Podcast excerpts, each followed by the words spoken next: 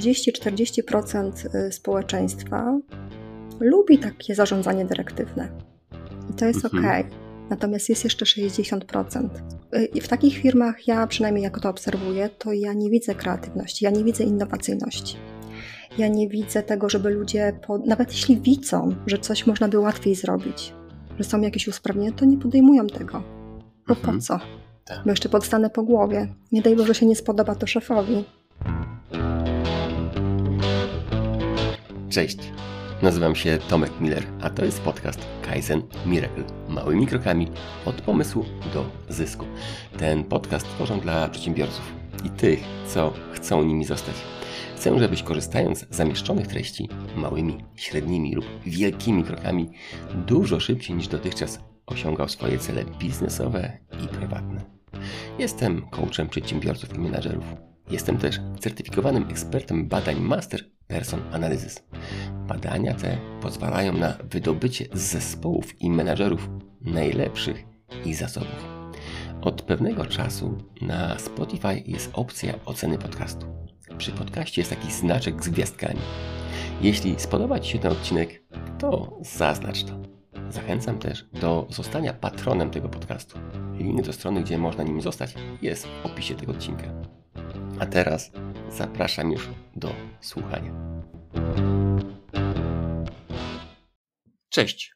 Jak skutecznie tworzyć liderów w firmach? Jak tworzyć liderów? Czy jest to możliwe? Jakie cechy ma dobry lider? W wielu firmach szefowie mają problem z tym, że nie zawsze mają właściwych menadżerów. Czy każdy może zostać menadżerem? Jak skutecznie wyszukiwać liderów w swojej organizacji? O tym za chwilę porozmawiam z Anią Bachenek, osobą, która od 20 lat zarządza HR-ami w firmach międzynarodowych i polskich. Cześć Aniu. Cześć Tomku, dzień dobry. Aniu, każdego gościa proszę o to, żeby na początku przedstawił się w dwóch zdaniach. Pora na Ciebie. Dziękuję bardzo. Ania Bachanek, y, faktycznie od 20 lat zarządzam zespołami y, HR i y, tworzę kulturę organizacyjną, buduję kulturę organizacyjną. Mm, dziś to, co robię, to jako konsultant, trener, współpracuję z klientami, z różnymi firmami i wspieram ich w uwalnianiu ich potencjału i rozwoju ich potencjału. I przyznam szczerze, że sprawia mi to ogromną radość jak widzę, jak pojedyncze osoby, liderzy, ale też całe zespoły i firmy uwalniają ten potencjał, są świadomi tego potencjału i rozwijają się. To naprawdę sprawia mi ogromną frajdę. Super. Jak uwalniać ten potencjał? Jak uwalniać ten potencjał? Wiesz, Tomek, to takie pytanie jest. Y, mega szerokie, tak, wiem. Mega szerokie, tak. Mhm. I ja chyba też bym tak do tego podeszła od góry, że żeby ten, ten potencjał uwalniać, to dobrze by było skupić się na tym, żeby budować taką kulturę organizacyjną, która pozwala ten potencjał uwalniać. I z moich doświadczeń wynika, że mamy bardzo różne kultury organizacyjne. Różnych kultur doświadczyłam w różnych zespołach, firmach. I mm, muszę powiedzieć, że i takie kultury, które są zarządzane bardzo autokratywnie, dyrektywnie, i też takie kultury, które stawiają na empowerment, na dawanie odpowiedzialności, obie te kultury, kultury i liderzy osiągają wyniki mhm. i osiągają sukcesy. Okay. Pytanie jest tylko takie, jakim kosztem i jak długo. Mhm. Więc y, jakbyśmy tak zaczęli od góry, no to takie wyobraźmy sobie, Moim takim marzeniem jest to, żebyśmy mieli zdrowych ludzi, szczęśliwych, szczęśliwych pracowników, takich, którzy się angażują, faktycznie biorą odpowiedzialność i którzy mają też fan trochę z pracy. I teraz, jeśli mamy taką kulturę organizacyjną, taką tworzymy, która faktycznie stawia na zaufanie, na oddawanie odpowiedzialności, na budowanie empowermentu, mhm. to i ludzie mają z tego fan, tak? Przychodzą do pracy, realizują się, rozwijają się, to wyobraź sobie, taki pracownik idzie do domu i tą dobrą energią dzieli się też w domu, dzieli się z innymi ludźmi.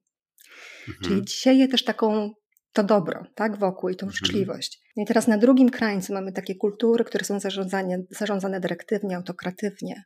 I w takich kulturach y, pracownicy często pod spodem jest strach i lęk. Mhm. I ludzie często uczą się, jak przetrwać po prostu. Władza jest skupiona zwykle w jednych rękach na górze, cała kontrola i tak dalej, więc ludzie nie podejmują jakichś wielkich inicjatyw.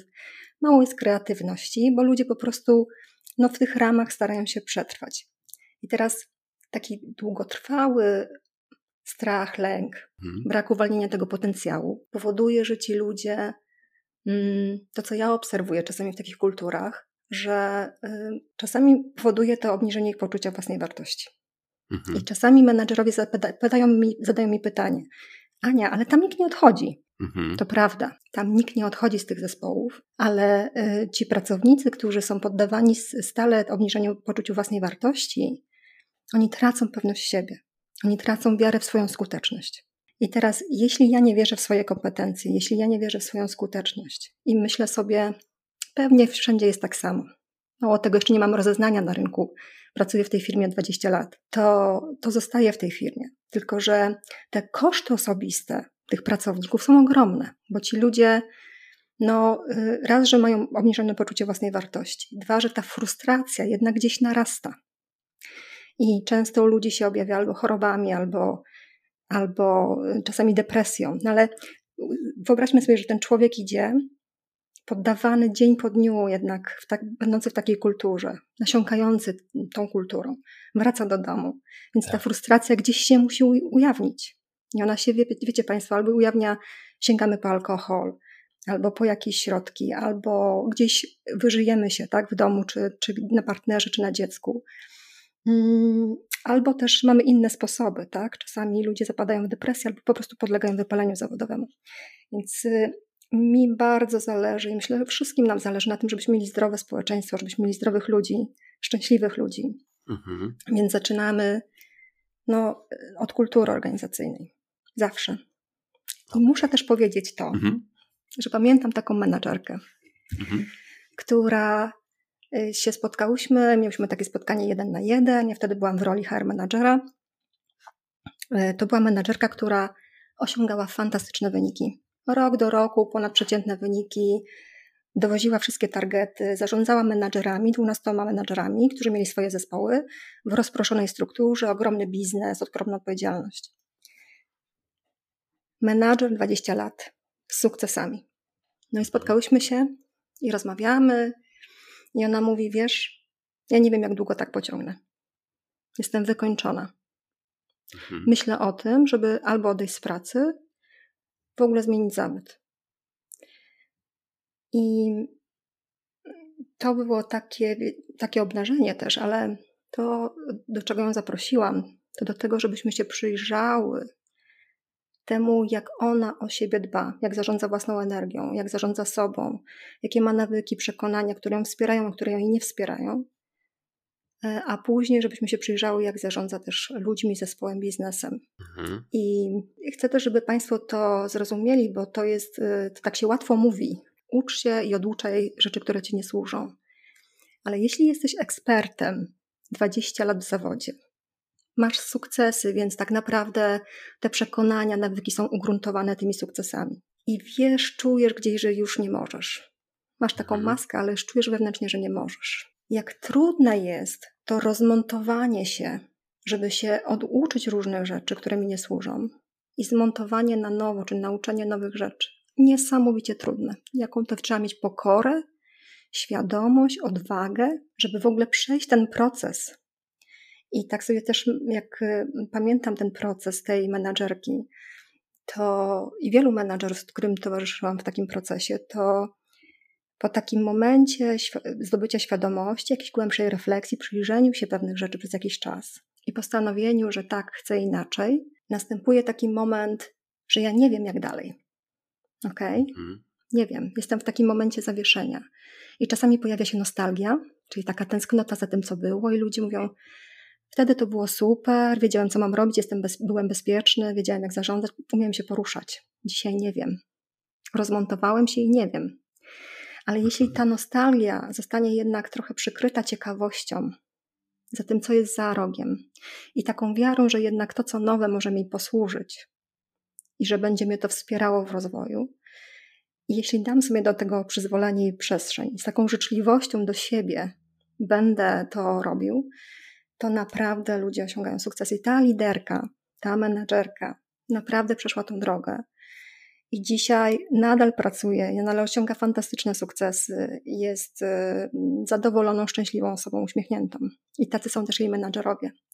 I teraz jeszcze jedną mam taką refleksję, bo często też menadżerowie mówią do mnie, Ania, no dobra, dobra, ja tam wiem, że mi różne rzeczy nie służą i może chciałbym się zmienić, chciałabym się zmienić, ale to co o mnie teraz ludzie pomyślą? To co ja mam teraz y, powiedzieć, że co? Byłem na jakimś szkoleniu, że gadałem z tobą i co? Mm. Nagle mi się odmieniło. Mm. I też zobaczcie Państwo, jaka to jest szansa też dla lidera, żeby faktycznie być przykładem dla innych, prawda? Żeby pokazać, że ja też czasami nie wiem, dać sobie to przyzwolenie, że ja też czasami nie wiem. I dać swoim przykładem innym osobom, że czasami trzeba się rozmontować, żeby zmontować się na nowo, żeby pojawiła się ta ciekawość, żeby się uczyć po prostu cały czas nowych rzeczy. A umówmy się, że w roli lidera no nie ma tak, żeby się spocznie na laurach, bo rzeczywistość się zmienia dookoła nas bardzo i jest bardzo niepewne środowisko, ciągle się wszystko zmienia. I tak, jeśli mamy taką autorefleksję, to ja myślę, że jesteśmy już e, i przyglądamy się trochę sobie, to myślę, że naprawdę jest dobrze. Mhm. Więc e, chciałam, żeby Państwo to zrozumieli i poczuli, że to naprawdę jest niezwykle trudny proces i trzeba bardzo dużej życzliwości dla samego siebie.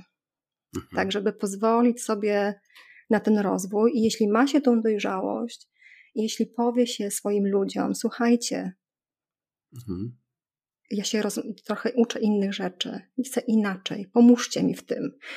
Przypominam sobie też taki zespół, gdzie menadżer ze swoimi ludźmi umówił się, że jeśli, żeby poprosił ich, po, że po pierwsze, żeby ich go wspierali w tym rozwoju, żeby dawali tak. mu feedback, ale mówi, wiecie co, ja będę wchodził w stare zachowania, będę wchodził w stare buty i chcę się z wami umówić, że jak będę wchodził na spotkaniach zespołowych czy indywidualnych w takie stare buty, to wy będziecie mówić do mnie arena, na przykład takie mhm. hasło, tak? Mhm. I ludzie na początku bardzo nieśmiale z tego korzystali, ale potem mieli z tego też ubaw.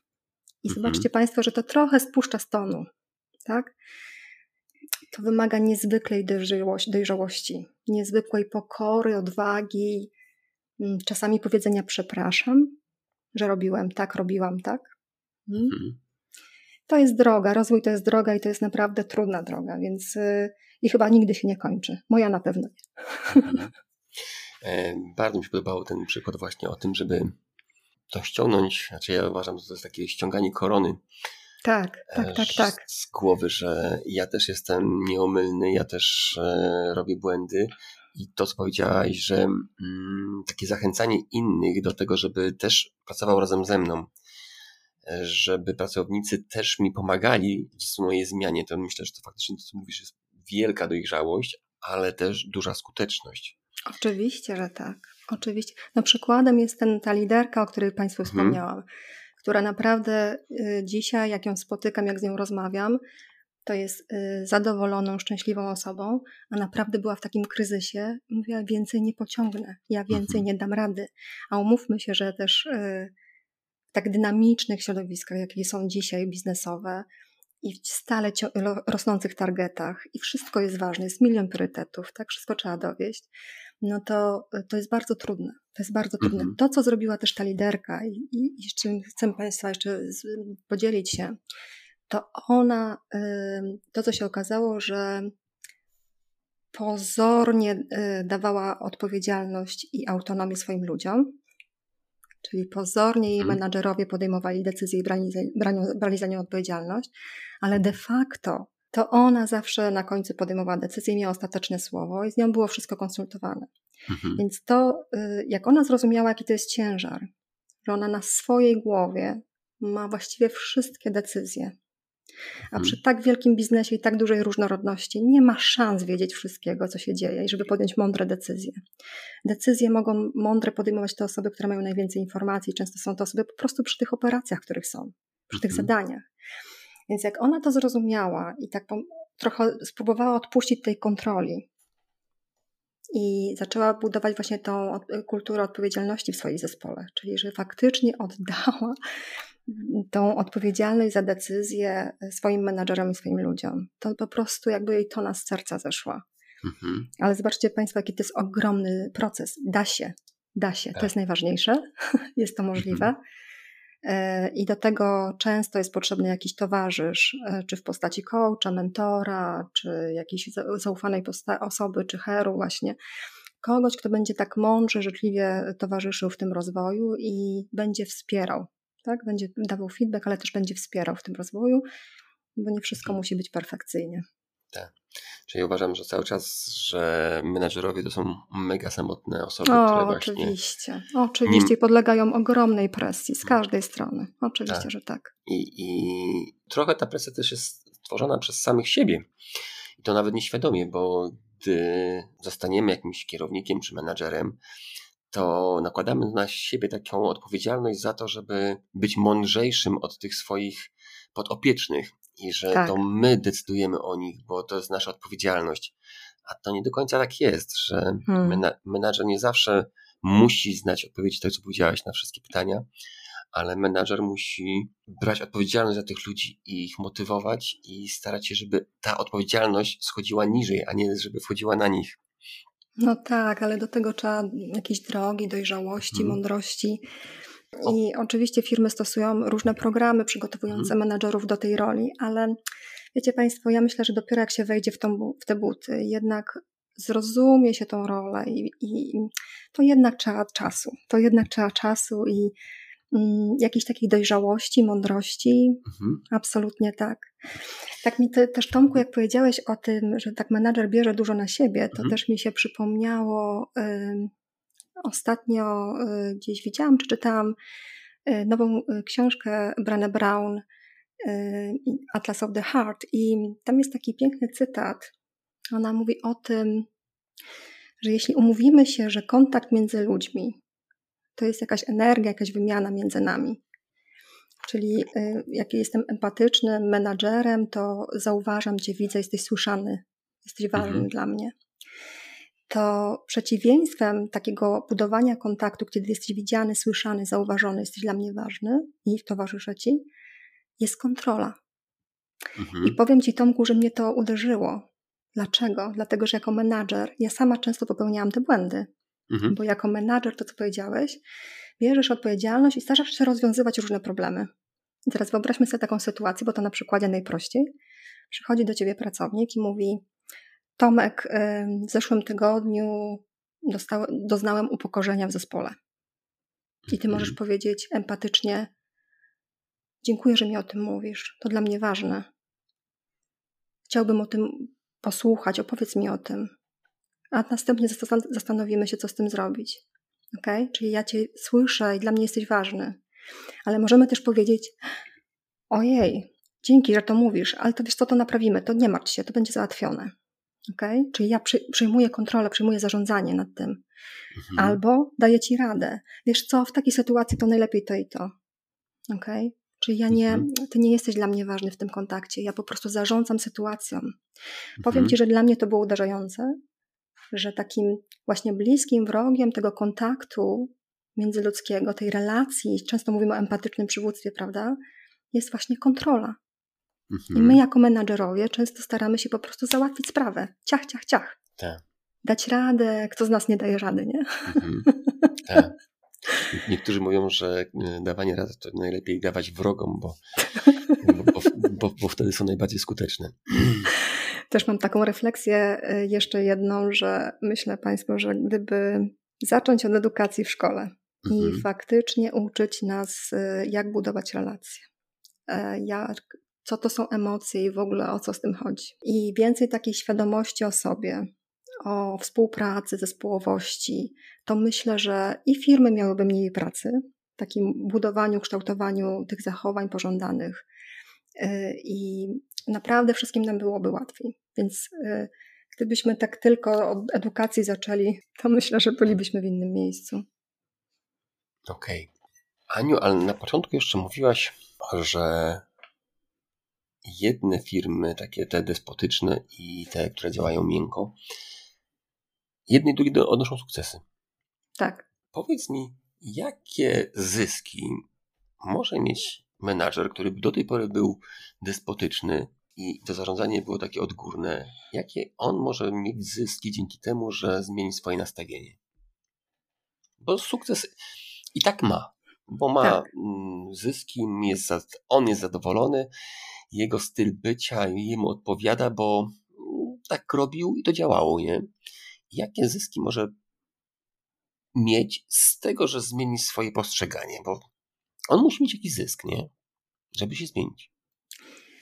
Tak, proszę Państwa, no y, to jest tak, że mm, takie zarządzanie y, dyrektywne, ono ma swoje koszty. Te koszty są bardzo wymierne. I tym kosztem jest um, koszt osobisty tego lidera, no bo on właściwie wszystko ma na głowie i podejmuje wszystkie decyzje i ma kontrolę cały czas nad wszystkim. I teraz w tak złożonym środowisku jak dzisiaj mamy biznesowe, przy takiej ilości zmiennych, um, złożoności biznesu i takiej róż, różnorodności, niepewności gospodarczej, ale też szybkości. To nawet pandemia pokazała tak, że runęły procedury, struktury, strategie i tak dalej, że firmy musiały na nowo szukać różnych rozwiązań. Mm, te koszty osobiste są ogromne, no bo właściwie wszystko mam na głowie i próbuję cały czas kontrolować wszystko. Nie? Mhm. Poza tym y, ludzie, z, których, y, z którymi tak zarządzam, nie biorą tej odpowiedzialności ode mnie, no bo ja im nie daję tej odpowiedzialności. Tak. tak. Mhm. W związku z tym oni czekają właściwie na rozkaz i czekają na polecenie. Czyli cały czas mam całą firmę na sobie. Jaki to jest ogromny ciężar. Ja nawet to czuję teraz, jaki to jest mhm. ogromny ciężar, tak? Mhm. Takiego zarządzania. Więc ten człowiek wcześniej czy później, no musi się jakoś, w jakiś sposób to musi się na nim odbić. Psychicznie lub fizycznie. I to mhm. wiemy, że to się odbija, tak? W różny sposób. W postaci chorób lub, lub jakichś zaburzeń. Mm. Ja myślę sobie też, wiecie Państwo, że dla takie badania są, że 30-40% y, społeczeństwa lubi takie zarządzanie dyrektywne. Mhm. Tak, mi to się trochę linkuje do typów osobowości, ale być może to też wynika z naszej historii, nie wiem, antropologii, jakkolwiek. Natomiast, że 30-40% lubi takie zarządzanie. I to jest mhm. ok. Natomiast jest jeszcze 60%, Mhm. Ci ludzie, mm, no y, w takich firmach, ja przynajmniej jako to obserwuję, to ja nie widzę kreatywności, ja nie widzę innowacyjności. Ja nie widzę tego, żeby ludzie, nawet jeśli widzą, że coś można by łatwiej zrobić, że są jakieś usprawnienia, to nie podejmują tego. Bo mhm. po co? Tak. Bo jeszcze podstanę po głowie. Mhm. Nie daj Boże się nie spodoba to szefowi. Hmm? Tak. Więc te koszty, moim zdaniem, wiecie, tak, wiecie Państwo, i to też jest ciekawe, bo czasami są też takie firmy, 7-10 y, lat mają i świetnie się rozwijają, mają fantastyczne zyski, mają wyniki, ale gdzieś utyka ten rozwój i te firmy nie idą do przodu. I teraz pytanie jest, dlaczego te firmy nie idą do przodu? Nie? No wiadomo, ja... myśli menadżerowie, źli pracownicy, że każdy w firmie źle działa oprócz mnie. Wiesz co, ja myślę, że to jest za dużo na jedną głowę i po prostu mm. się nie da tak zarządzać. Nie? Mhm. No, przy takiej dużej złożoności, jak masz małą firmę, to oczywiście, że się da. Ale też yy, z mojego mm. doświadczenia liderzy, menadżerzy, przedsiębiorcy, których znam, którzy czasami o, tak zarządzali i mówią o tym otwarcie, yy, mówią, że to było dla nich wykańczające. To po prostu mm. było wykańczające. Więc jeśli weźmiemy teraz w drugą stronę, jeśli menadżer przejdzie tą, tą drogę rozwojową i mówi, chcę inaczej i mhm. zarządza inaczej, to z, trochę zrzuca z siebie ten cały ciężar decyzyjności, odpowiedzialności mhm. Mm, na ludzi. I teraz, wiecie Państwo, no ja wierzę, że ludzie przychodzą do pracy dobrze pracować i każdy chce jak najlepiej. Jeśli tylko mają w miarę poukładane procesy, jakieś struktury, narzędzia, to co ich wspiera, menadżer, który ich wspiera, to naprawdę to idzie. Jeśli hmm. buduje się kulturę opartą na zaufaniu, opartą o odpowiedzialność, decyzyjność, czyli tam, gdzie jest najwięcej informacji, tam pracownik podejmuje decyzję i bierze za nią odpowiedzialność. Tak, bo to nie jest tak, że tego bierze, tylko bierze odpowiedzialność. Tak, to jest ważne. odpowiedzialność. Czyli staje się hmm. takim trochę mini przedsiębiorcą, prawda? Odpowiedzialnym hmm. za swój biznes. To y, ja wierzę w to, że ludzie się angażują, rozwijają swoje talenty, y, pokazują swój cały potencjał. Y, tworzy się taka kultura, wiecie Państwo, no takiego empowermentu właśnie. Tak? Mhm.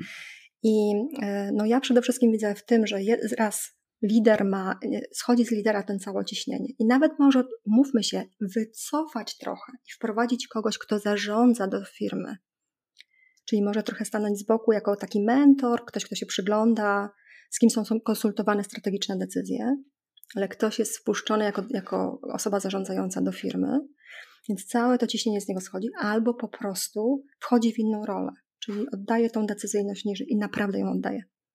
Czyli mhm. całe to ciśnienie z niego schodzi, a ludzie przy okazji naprawdę uwalniają swój potencjał, rozwijają się, firma idzie do przodu, bo ludzie wiedzą, co robić, naprawdę.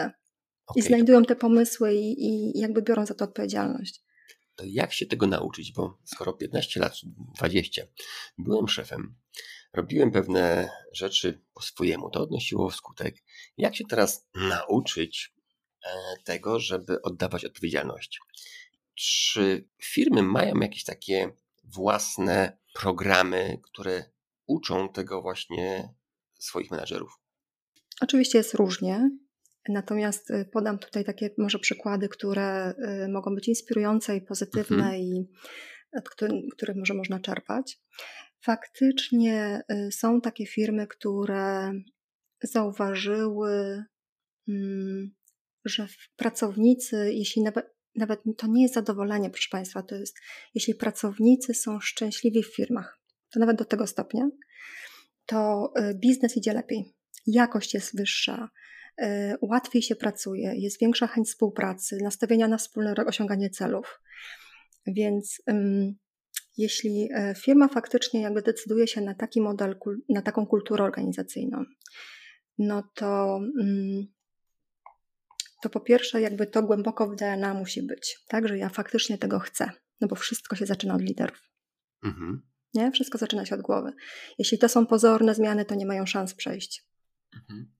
Okej, okay, mm, to ja też mam pytanie takie, co to znaczy szczęśliwa firma, bo ostatnio słyszałem o takim przypadku, że szef chciał udowadniać, znaczy udowadniać, hmm. chyba sobie, że jego firma jest super i dla tych pracowników co miesiąc zrobił jakiś wyjazd integracyjny, jakieś spotkania, kręgle, mm, baseny.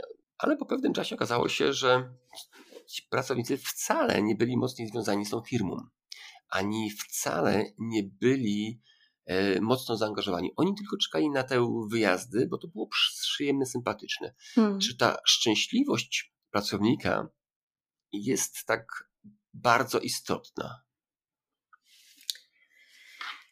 Wiesz, Tomku, tu poruszyłeś taką, taki temat, że pewnymi benefitami, pewnymi akcjami jesteśmy w stanie załatwić to, że ludzie są zadowoleni, zaangażowani, szczęśliwi, mhm. tak? I mhm. że pracują dla nas dlatego, że, że chcą, nie, że mhm. muszą.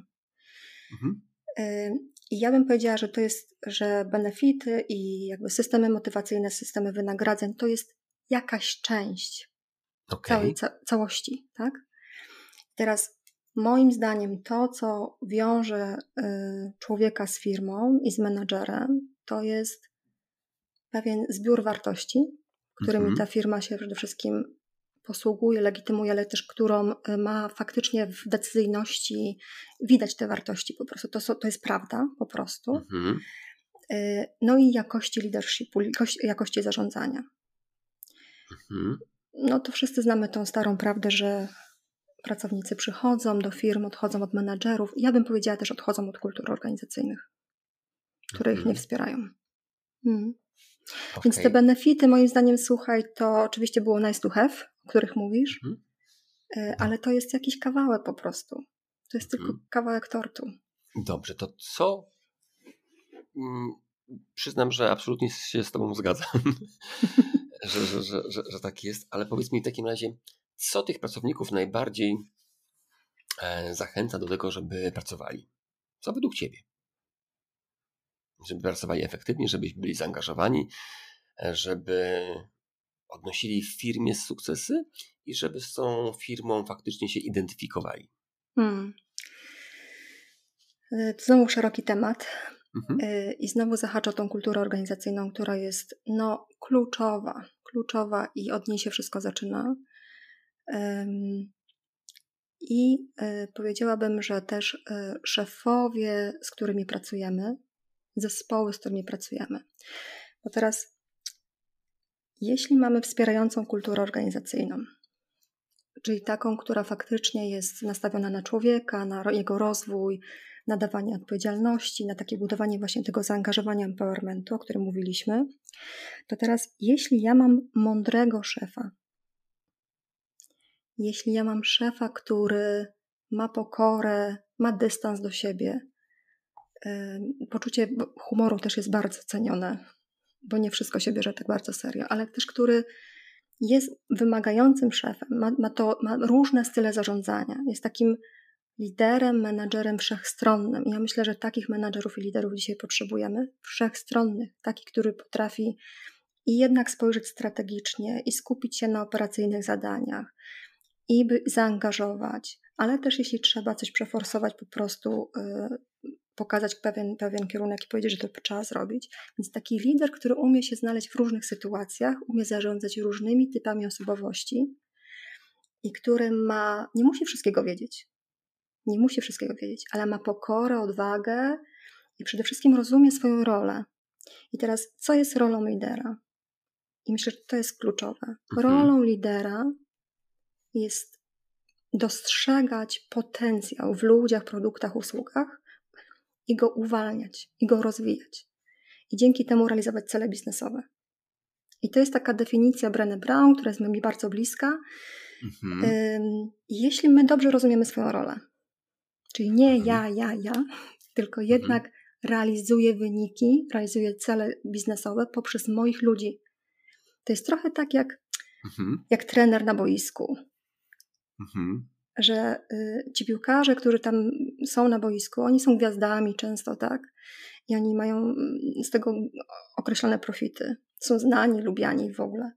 Trener jest trochę z boku, ale trenera zadanie, tak jak menadżera, jest uwalnianie tego potencjału, dostrzeganie i uwalnianie tego potencjału po to, żeby ta drużyna, zespół mhm. osiągał wyniki. I to jest to. I to jest to. I to jest rola menadżera. Jeśli okay. dobrze rozumiemy swoją rolę, to myślę, że jest ok. Super. Jak znaleźć takiego dobrego trenera? Wiesz co, w firmach się robi to na różne sposoby i... A, a, a przepraszam, tak. co? Y, no? Ja, ja, wrócę do tego pytania, przepraszam, Dobra. bo ja chciałem jeszcze jedno zadać, bo mm, mówiłaś o kulturze reorganizacyjnej, bo myślę, że to właśnie będzie tak e, bardziej poukładane. Hmm. E, pierw zacznijmy od tej kultury. Jak stworzyć taką kulturę organizacyjną, gdzie już ten, jak znajdziemy tego świetnego menadżera, to on będzie dobrze działał. Trzeba stworzyć kulturę, dopiero później menadżera, prawda? Tak, tak, tak. To zacznijmy od tej kultury. Jak stworzyć taką kulturę pracy, gdzie teraz jakbyś miała założyć, zakładać jakąś firmę, jak byś to robiła od początku, żeby ta kultura mm, firmy była efektywna, spójna i która by dawała satysfakcję i tobie, i twoim pracownikom, no i na koniec dawała zysk. Tak, no więc jakby mm, na początku myślę, że trzeba sobie odpowiedzieć na jedno ważne pytanie, czyli co chcę osiągnąć jako lider, założyciel, przedsiębiorca. Co chcę osiągnąć i w jaki sposób. Jak wiem to, przynajmniej w jakichś takich głównych punktach, głównych założeniach, czyli mam tą wizję swoją biznesową, mam tą wizję strategiczną, to wtedy zastanawiam się, jaka kultura będzie mnie wspierała do realizacji celów biznesowych. To jest mhm. ważne. Okay? teraz y, to, co mi jest bliskie, mi osobiście, no to jest na pewno budowanie takiej kultury opartej faktycznie na, na partnerskich relacjach, na kultury zaufania, gdzie oddaję decyzyjność i odpowiedzialność ludziom. Ludziom, którzy są najbliżej informacji i są w stanie podejmować najbardziej, najskuteczniejsze decyzje, najlepsze decyzje biznesowe. Czyli to jest mi bliskie, takie budowanie właśnie takiej kultury odpowiedzialności. To tak się nazywa, kultura odpowiedzialności, kultura empowermentu, gdzie e, faktycznie zatrudniasz ludzi, którzy są dopasowani do Twojej kultury i sprawdza się to często przez takie e, wywiady culture fit po prostu, takiego dopasowania kulturowego, czyli czy po prostu te wartości, które wyznajecie i to w jakim stylu pracujecie, czy ono jest po prostu się maczuje, czy się mhm. dopasowuje. Mhm. I e, no, to, to jest jedno, właściwie ludzie na właściwych miejscach. Mhm. I właśnie takiego, takie podejście, uczenie cały czas, pokazywanie swoim przykładem i oddawanie tej odpowiedzialności, decyzyjności, wspieranie zespołu, wspieranie ludzi, żeby właśnie uwalniali ten potencjał i żeby rozwijali siebie, biznes, klientów. I to tak, takie się wydaje proste, a mhm. jednocześnie jest czasami takie trudne ja to dodam jeszcze coś od siebie, że hmm. to oddawanie odpowiedzialności to nie jest po prostu zrzucanie na kogoś odpowiedzialności. Nie. nie. To jest zupełnie coś innego, że to jest tak. E, budowanie w, twoich, w swoich pracownikach liderów, ale budowanie nie, że ja ci dam odpowiedzialność i, i bierz i nie wtrąca się do mnie, tylko to jest obudowanie takie, że ty jesteś liderem, robisz to świetnie, podpowiedz mi, jak, jak to zrobisz. Tak, to w ogóle jest otaczanie się ludźmi, którzy y, często są lepsi ode mnie. Często tak. wiedzą więcej ode mnie. Umówmy tak. się. Lider nie musi wiedzieć wszystkiego. I myślę, Lider jest... musi dobrać odpowiednie, odpowiednio ludzi z odpowiednim potencjałem, z odpowiednimi kompetencjami albo je rozwinąć, tak żeby ci ludzie zabezpieczali biznes. I tak, mhm. żeby ci ludzie y, y, budowali kolejnych, tak? Kolejny, kolejną sukcesję. Mhm. Czyli żeby była ciągłość biznesowa.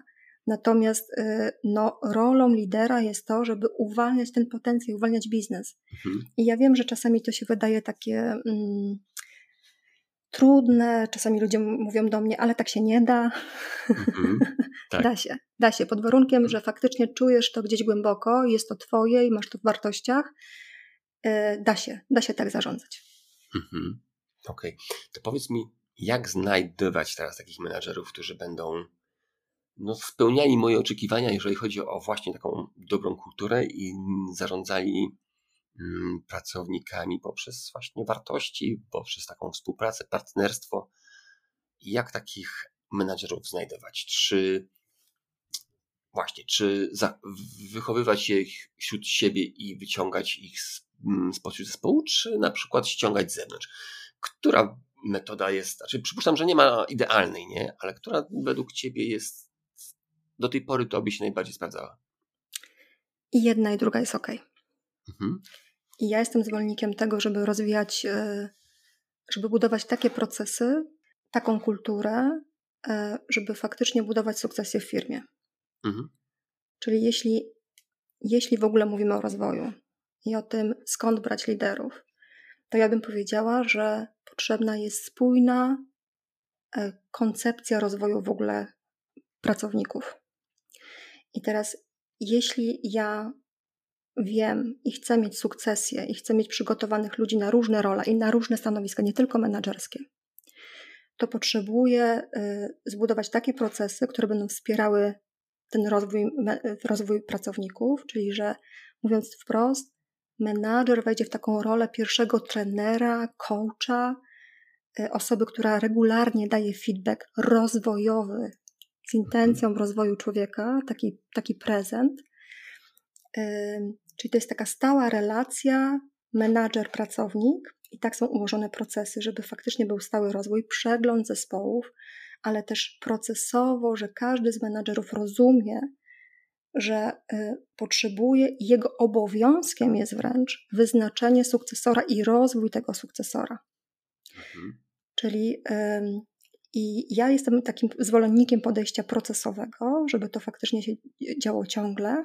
Potem oczywiście te, tych sukcesorów można wyłonić i trochę y, y, jakby różnymi programami wewnętrznymi wzmocnić kompetencje i przygotować do tych ról, ale jednak powiedziałabym, że ciężar i taki podstawowa rola każdego menadżera wychować sukcesorów nie tylko na moje własne stanowisko, mhm. ale też y, zastępowalność w zespole po to, żeby była ciągłość biznesowa. Nie? Mhm. Y, więc ja jestem za tym, żeby oczywiście dawać y, szansę swoim ludziom, żeby uwalniać ten potencjał, dostrzegać, żeby ci ludzie byli zauważeni, usłyszeni, wspierani. I absolutnie to jest ogromna wartość, jeśli awansuje ktoś z firmy, bo ten człowiek po prostu zna biznes, mhm. rozumie biznes, wie jak się poruszyć, rozumie też kulturę organizacyjną i to jest ogromna wartość. Mm. I też dajemy szansę po prostu swojemu człowiekowi. To też jest bardzo ważne. Jestem też zwolennikiem tego, żeby w sytuac- niektórych sytuacjach zapraszać menadżerów z zewnątrz. I to też jest bardzo ważne. Dlaczego? Dlatego, że wpuszczamy, y, wpuszczamy nowego człowieka, pewną świeżość. Transfer wiedzy następuje, prawda? Mhm. Więc y, y, też możliwy jest szybszy rozwój. Też sobie też myślę o takich sytuacjach w momencie, gdy potrzebujemy dokonać jakiejś zmiany. Czasami mhm. człowiek z wewnątrz tej zmiany nie zrobi, nie jest w stanie, ponieważ za bardzo jakby siedzi w tym. Mhm. Więc czasami potrzebny nam jest ktoś z zewnątrz, kto spojrzy nowym okiem, świeżym, nie jest związany też relacyjnie i, i, i ma nowe spojrzenie.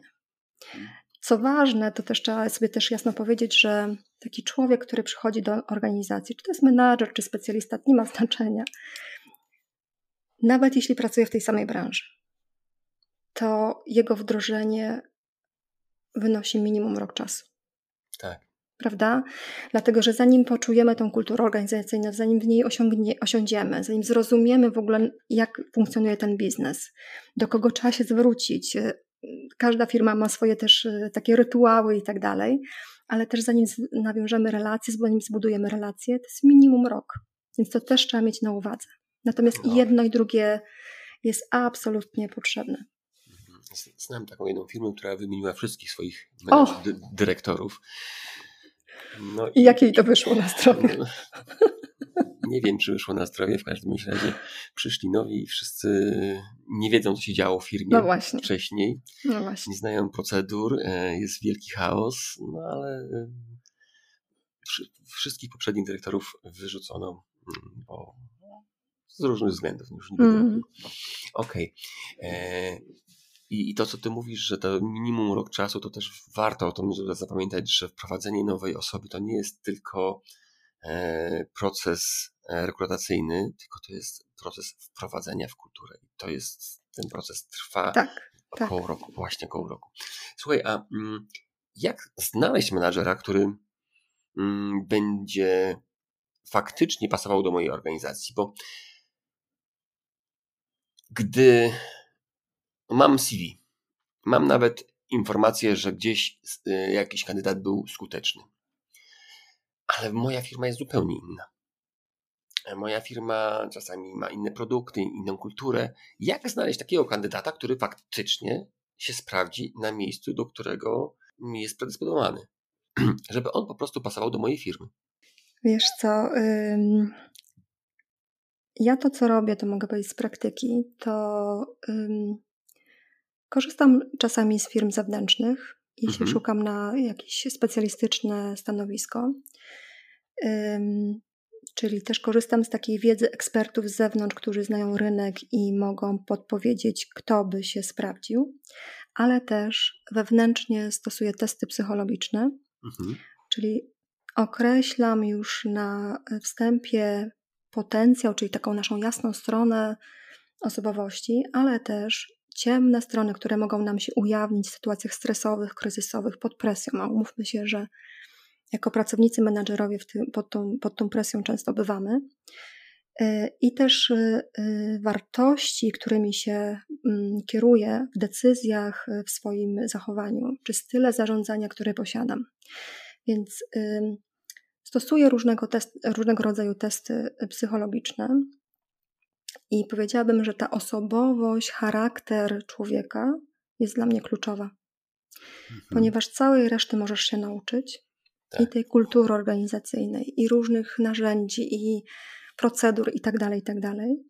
Ale to, co wnosisz do firmy, to jest Twój charakter, Twoja osobowość, Twoja pokora, odwaga, stabilność lub jej brak. Mhm. Prawda? Yy, więc. Czyli taki dobry lider powinien mieć pokorę, stabilność, odwagę. humor, odwagę. Poczucie humoru, absolutnie. Co, co, co jeszcze powinien mieć taki dobry lider, którego szukać? Odwaga. Odwaga. Mhm. Wiesz co, no i to, na co ja też zwracam uwagę, to, to na ego. Mhm. Też zwracam na to uwagę, tak.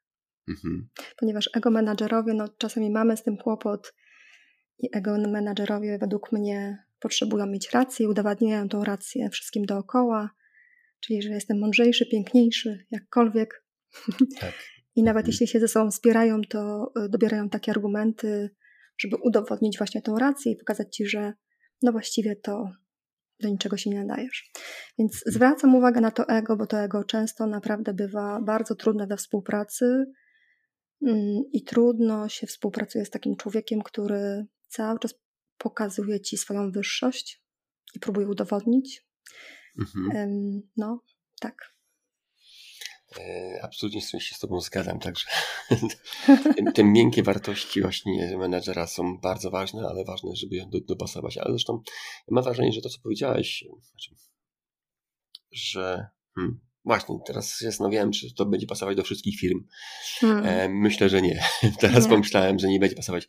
To musi być, e, to będzie pasować do firm właśnie, które są nastawione na, na takie osobowości, a nie na osoby, które są na firmy, gdzie ten despotyzm jest e, dość mocną, tak, tak, mocno wbity tak. w, w kulturę. Ja bym powiedziała, Tomku, że tak jak powiedziałeś, że to ego często właśnie króluje w tych firmach takich e, hmm. zarządzanych autokratywnie, dyrektywnie i tam y, faktycznie ma się to dobrze.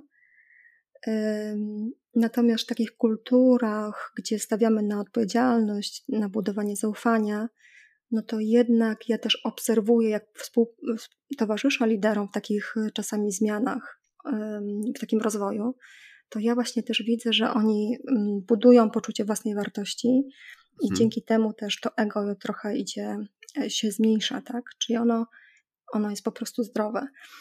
Mm, więc widziałam taką przemianę i, i, jest możliwa, ale naprawdę jakby ona potrzebuje wynikać y, z, z wnętrza, tak? Czyli musi mhm. coś zajść, albo jakiś kryzys, albo faktycznie jakiś wzrost świadomości, jakieś przyglądanie się sobie w dłuższym okresie czasu i taka głęboka autorefleksja, mm, że, że coś robię i coś robię w nadmiarze i dlaczego to robię. Czy to mi na pewno służy, czy to służy moim ludziom i biznesowi. Mhm. Jeśli jest taka głęboka autorefleksja, to jest szansa na zmianę. Okay. Ale ona musi wynikać z człowieka, nie dlatego, że ktoś chce obok, ja czy ktokolwiek. Tak, czyli przyznam, że e, teraz powiem takim product placing, bo zajmuję się badaniami MPA i, mm. tam właśnie fajnie to pokazuje wszystko e, przy rozmowach z menedżerami, bo sam test bardzo często nie daje im jakichś takich, znaczy rzadko daje im jakieś rewolucyjne odkrycia. Oni patrzą na siebie po prostu ale patrzą na siebie w lustrze, którego normalnie na co się nie widać. Dzięki tym badaniom oni zobaczą, w którym kierunku się zmieniać. Właśnie to, co mówiłaś z tym ego. Czasami właśnie mówią, aha, to nie za bardzo jestem taki, to oni później się troszeczkę wycofują w tego, że to ja muszę opracować z tymi pracownikami, żeby oni za mną podążyli. Bo ja jestem już trzy kroki do przodu, a oni są jeszcze no, te trzy kroki z tyłu i muszę wrócić do nich, żeby ich pociągnąć, nie? U większości ludzi to pięknie pracuje. Naprawdę, mhm. jeśli ty robisz te testy i towarzyszysz liderom, to z moich też doświadczeń wynika, że u 95% ludzi takie badanie i takie, takie spojrzenie na siebie z boku i jeszcze z kimś mądrym, kto mi towarzyszy w tym i trochę mi roztłumaczy to, na zachowania różne w biznesie, w moim życiu, to u 95% naprawdę to pięknie pracuje. Wcześniej czy później ci ludzie mają refleksję, próbują coś zmienić. Nie zawsze wiedzą jak, ale od tego jesteś, jest ktoś, kto towarzyszy. Natomiast faktycznie to pracuje i to jest y, fantastyczne, że, może, że mamy takie narzędzia i że możemy z nich korzystać. Okej. Okay. Powiedz mi jeszcze, mamy kulturę, którą tworzymy, powiedzmy, już własną. Mamy przemyślenia, jak ją zrobić. Jak budować tych liderów? E, czy powiedz mi, czy pewnie znasz jakieś takie programy, które budują liderów w firmie? Bo nie chodzi o to, że ktoś pójdzie na szkolenie. To też jest istotne, ale jak budować liderów we własnej firmie? Ja jestem zwolennikiem całościowych koncepcji, tak jak powiedziałam, do rozwoju i podejścia takiego strategicznego, czyli. Czyli pierw strategia. Tak, najpierw y, to, co chcę osiągnąć, tak? Muszę wiedzieć, co mhm. chcę osiągnąć, czyli jeśli mm, jeśli e, chcę faktycznie dążyć do tego, żeby mieć mądrych, przygotowanych do roli menadżerów na różnych poziomach, to z jednej strony ja osobiście w firmach buduję procesy, które będą wspierały tę zmianę. Czyli jeśli przygotowuję dla ludzi na przykład program rozwojowy, przygotowujący ich pod jakąś sukcesję, albo e, przygotowuję e, program rozwojowy pod jakieś kompetencje, czy też na przykład wdrażam wartości, to zaszywam te, te, to, co chcę osiągnąć w procesach HR-owych, w procesach personalnych. I teraz podam przykład, żebyśmy to zrozumieli. Mhm. Jeśli zależy mi na tym, żeby zbudować w firmie kulturę feedbacku, tak, żebyśmy dawali sobie feedback, żeby faktycznie była to taka kultura ucząca się, to z jednej strony przygotowuję od góry menadżerów do tego, żeby rozumieli wartości, żeby umieli dawać ten feedback, ale też zaszywam w procesach HR-owych to, że jeśli oni wrócą tych, z tych szkoleń będą już umieli dawać feedback, będą rozumieli jego istotę, to wymuszam procesami na przykład spotkania jeden na jeden z pracownikami, mhm. tak, żeby to się zadziewało. Dlaczego? Dlatego, że wszyscy to znamy, że mhm. ludzie jeżdżą na szkolenia i mówią: Wow, faktycznie, super, mają taki, nie? Aha, ale wracają do swoich starych zachowań, bo kultura organizacyjna, bo procesy, struktury ich nie wspierają w tej zmianie. I teraz to, jak ja, co ja robię w firmach, to z jednej strony uczę menadżerów i tak wspieram ich w tym rozwoju, ale też buduję procesy, które będą ich y, w tym wspierały. Czyli, że wrócą i będą dzielili się tą wiedzą i będą wdrażali ją w praktyce, po prostu. Mhm. I ja jestem zwolennikiem tego, żeby menadżer faktycznie był takim pierwszym trenerem, coachem, mentorem swoich, dla swoich ludzi. Mhm. Więc y, przygotowuję ich do tej roli, a następnie stwarzam albo automatycznie jednocześnie stwarzam takie procesy, w których będą mogli wykazywać się tą, w tej roli. Mhm. Ym, więc takie, ja, ja, jestem zwolennikiem całościowego podejścia. Z jednej mhm. strony wspierania w rozwoju w określonych kompetencjach, budowania programów, to mogą być różne sposoby, tak? Budowanie programów określonych na ściśle, ściśle na jakieś kompetencje, mhm. czy jakby, czy jeśli e, rozwijamy jakieś talenty w organizacjach, to też budujemy pod to określone programy rozwojowe. Mhm. Ale to są rzeczy, które, które działają, a oprócz tego muszą być procesy HR-owe, które wymuszają dzień po dniu pewne zachowania które gruntują tą wiedzę, którą nabywam na szkoleniach, y, w czasie mhm. testów, jakkolwiek. Czyli jak, mm, powtórzę to, jeżeli wysyłam menedżera na szkolenie, to po powrocie przygotowuję procesy takie, żeby on to, co się nauczył, mógł wprowadzać w firmie na co dzień, tak? Tak. Czyli na przykład, jeśli moim mhm. celem jest, żeby ludzie umieli przeprowadzać rozmowy rozwojowe ze swoimi ludźmi, to procesy muszą wspierać, czyli buduję takie procesy, gdzie ludzie cyklicznie spotykają się i rozmawiają na temat nie tylko celów biznesowych, jakościowych, ale też mhm. przeprowadzają, menadżer ma obowiązek y, przeprowadzić rozmowę rozwojową. Tak? I w mhm. trakcie takich rozmów iluś y, się uczy. się uczy to raz, uczymy się wspólnie, dajemy sobie feedback, Y, staje się to bardziej naturalne i bardziej takie po prostu, że widzimy w tym wartość, widzimy, że ten pracownik się rozwija, ja się rozwijam, bo też dostaję feedback, wiem, co się dzieje, y, wiem, co jest moc, moją mocną stroną, co nie, co, nad czym muszę popracować, mm, ale też y, na końcu, jako menadżer, mam taki obraz jakby zespołu, jestem bliżej ludzi, wiem, jakie mają potencjał, jak się mhm. rozwijają i mogę też budować tą sukcesję, tak? Czyli mogę podejmować mądre decyzje więc mhm. to jest jakby cały taki proces, który mm, no ja jestem też zwolennikiem, żeby menadżer, pracownik przy wsparciu HR-u, bo często menadżer też potrzebuje jakiegoś wsparcia albo takiej po prostu popatrzenia życzliwym okiem i dania feedbacka, takiej superwizji trochę, żeby w takim, w takim e, trójkącie współpracować ze sobą i faktycznie wprowadzać takie procesy, które będą długotrwałe. Mhm. Czyli to nie będzie jedno szkolenie, wracam i co dalej, mhm. tylko jednak to jest pewien proces rozwojowy, cała koncepcja rozwojowa. Okej, okay, ale powiedz mi, jak takie, taką właśnie ten proces wprowadzać, bo Z reguły jest tak, że każdy, albo większość, większość firm, menadżerowie mają bardzo dużo pracy. Już. Muszą zarządzać. Oczywiście. I ty im wkładasz jeszcze jeden kawałeczek w proces, że mają jeszcze e, uczyć innych, czy szkolić się w, z tego szkolenia. Przypuszczam, że nie każdy będzie chciał. jak, to, jak to zachęcić tych menadżerów, żeby oni faktycznie chcieli skorzystać z wiedzy e, tych szkoleń tak na dłużej i jak to, jak to tak praktycznie wprowadzać? Bo myślę, że to jest nie jest to łatwy kawałek. To wracam do początku, czyli do pytania, rozwój musi wynikać z potrzeby biznesowej. To jest jedna rzecz. Mhm. Okay? Czyli mamy jakieś potrzeby biznesowe, wiemy, że będziemy mieli jakieś nowe zlecenia, otwieramy się na nowe rynki, potrzebujemy nowych kompetencji, więc rozwój wynika z potrzeby biznesowej. Mhm. Z tego, gdzie, gdzie dążę jako przedsiębiorca, lider organizacji. Mhm.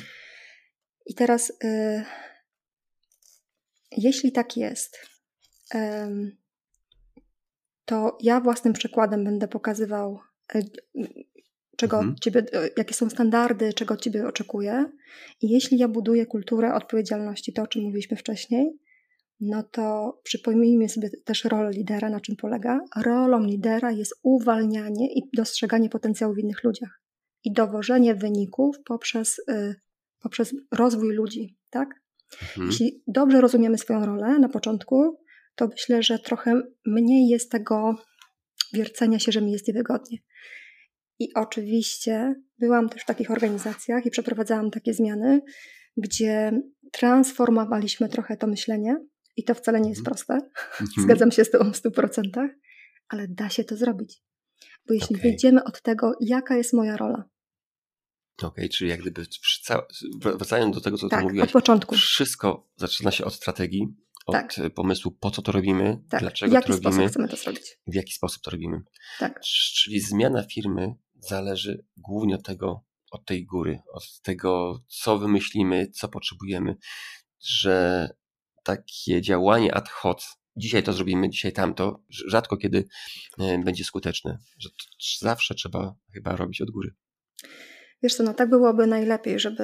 Mm, no i wtedy to ma szansę największego powodzenia, jeśli faktycznie potrzeba zmiany lub potrzeba jakiegoś pójścia w jakimś mhm. kierunku mhm. wynika głęboko gdzieś e, z potrzeby, z przemyśleń, z refleksji e, przedsiębiorcy.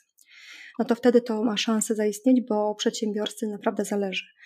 Mm, najtrudniej jest, najtrudniej jest przeprowadzić jakieś zmiany, wtedy gdy czasami lider mówi do mnie, wiesz, chciałbym, żeby moi ludzie się zmienili, rozwinęli i tak dalej, ale nie rozumie, że od siebie trzeba zacząć. To jest najtrudniejsze. I wtedy ta, ta zmiana ma nikłe szanse, żeby się zrealizować. Naprawdę. Mhm. Okay. E, więc zawsze, no to, to jakby to jest DNA gdzieś, nie? Dobrze, to co jest najtrudniejsze? To chyba już powiedziałaś, no, odpowiedziałaś na pytanie, które chciałem zadać. Co jest najtrudniejsze we wprowadzaniu zmian? Wiesz co, jest wiele rzeczy trudnych do wprowadzaniu zmian, ale chyba y, no, to, co jest podstawą i co faktycznie jest takie najtrudniejsze, to pozyskać serce, umysły ludzi i przekonać yy, zarząd, przedsiębiorcę, że faktycznie pewne rzeczy trzeba zrobić i że on musi zacząć od siebie, czy ona mhm. musi zacząć od siebie i to jest najtrudniejsze. Okej. Okay. To jest najtrudniejsze. A co jest najłatwiejsze? We wprowadzaniu zmian? Mhm. satysfakcja, jak wprowadzisz zmianę. Nie wiem, czy są takie, słuchajcie, zmiany, które, które y, y, jakieś elementy, które są najłatwiejsze. Okay. Nie wiem, czy takie są. Myślę, że naprawdę jest y, przeprowadzenie zmian wymaga dużej dojrzałości, ale też takiego przemyślenia, przekonania, że one są potrzebne i faktycznie w jaki sposób chcemy je przeprowadzić. Super. Aniu, będziemy kończyć. Jeszcze chciałbym zadać ostatnie pytanie. Gdzie Ciebie można znaleźć? Ja obecnie współpracuję z różnymi firmami i wspieram menadżerów, przedsiębiorców, liderów y, właśnie w uwalnianiu tego potencjału, dostrzeganiu tego potencjału. Więc znaleźć mnie można y, czasami w firmach, gdzie prowadzę konsul, jako, pra, pra, pracuję jako konsultant, doradca, buduję właśnie procesy, czy też y, na sali szkoleniowej, gdzie współpracuję z liderami. E, znaleźć mnie można na LinkedInie, na Facebooku, zapraszam do kontaktu. To, czego życzę sobie i wszystkim liderom, to y, życzliwości. Życzliwości do siebie samego, e, bo wierzę, że jeśli będziemy życzliwi dla siebie samych, to też będziemy mieli więcej życzliwości dla drugiego człowieka i będzie nam po prostu trochę lepiej. Mhm, super. E, fajna puenta.